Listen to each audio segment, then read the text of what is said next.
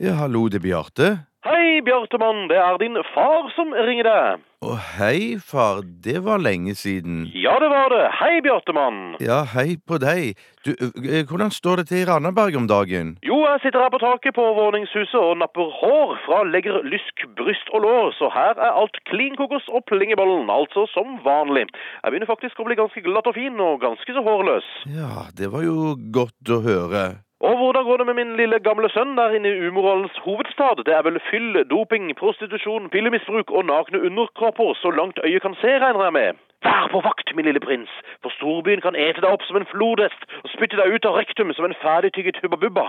Ikke la gribbene og demonene få satt de krokete fingrene sine i den bleke, skrokete kroppen din, Bjartemann. Vær på vakt, sier jeg deg. Jo, jo da, jeg er jo på vakt, far. Altså, du trenger ikke bekymre deg for meg. Og så må du ikke onanere så mye, Bjartemann. Jeg veit at Satan lover velvære og ekstase, men gleden er, som du vet, gutten min, så alt, alt, altfor kortvarig. Gå til Herren med lystene dine, og han vil temme dem. Står det i Bibelen, far? Ja, det står skrevet i Korintene, det lille Bjartemann. Det er jeg nesten 80 sikker på. Men vi kunne snakket om Herren og skam og selvbeføling og onan og synd og skjærsild i hele dag, Bjarte Paul, men jeg ringer deg av en spesiell grunn. Ja vel? Og det handler om noe som skjedde i oppveksten din. For da du var bare fem år Jeg vet ikke om du husker dette, her, Bjartemann, men da fikk mor di og jeg gjennomført en plastisk operasjon på deg. En plastisk operasjon? Plastisk operasjon på deg. Ja. Vi så i de første leveårene dine at du utviklet en ganske stram og sexy sprettrumpe. En sprettrumpe? En ganske stram og sexy sprettrumpe, ja. Ja. Og du vet hvor redde din mor og jeg har vært for at du skal bli homofil, Bjartemann. Ja jo, ja jo, jeg vet jo det, altså. Så i frykt for at du i puberteten skulle tiltrekke deg sodomitter og andre perverse, så gikk vi til det drastiske skritt å skjære bort 6-8 cm av sprettrumpa di.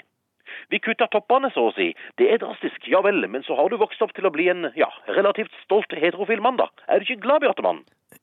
Om jeg er glad for at dere har skåret bort sprettrumpa mi som barn? Jeg, jeg vet ikke helt, jeg. Vi har de to små spretterumpeballene dine på norgesglass og sprit, og de står her på peishylla i kjellerstua. Vi kan sende dem til deg med ilpost. Nei da, din mor har ikke skåret bort sprettrumpa di, Bjartemann. Du har aldri hatt sprettrumpe, og kommer aldri til å få det. Jeg fortalte den historien fordi jeg har humor. Jeg har det. Jo da, far, du har jo kanskje det, altså. Mor er død. Hæ? Nei, herregud, er det sant? Stemmer, mor er død som et reinsdyrskinn. Hun hadde dessverre et ublidt møte med en semitrailer fra Findus like oppi veien her.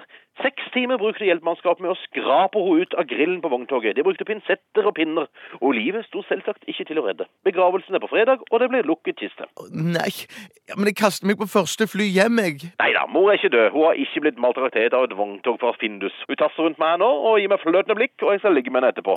Ok, far. Kjempemorsomt. Det er fordi jeg har humor, det, Bjartemann. Jeg har humor. Et lite smellkyss til din far over telefonlinja før jeg legger på luren. Nei, jeg kan ikke Et det. lite smellkyss. Det var ikke så vanskelig det, Bjartemann. Ha Nei, en det- strålende dag. Ja, Jeg er glad i deg, lille gutten min. jo jo. Ha det bra. Ha det.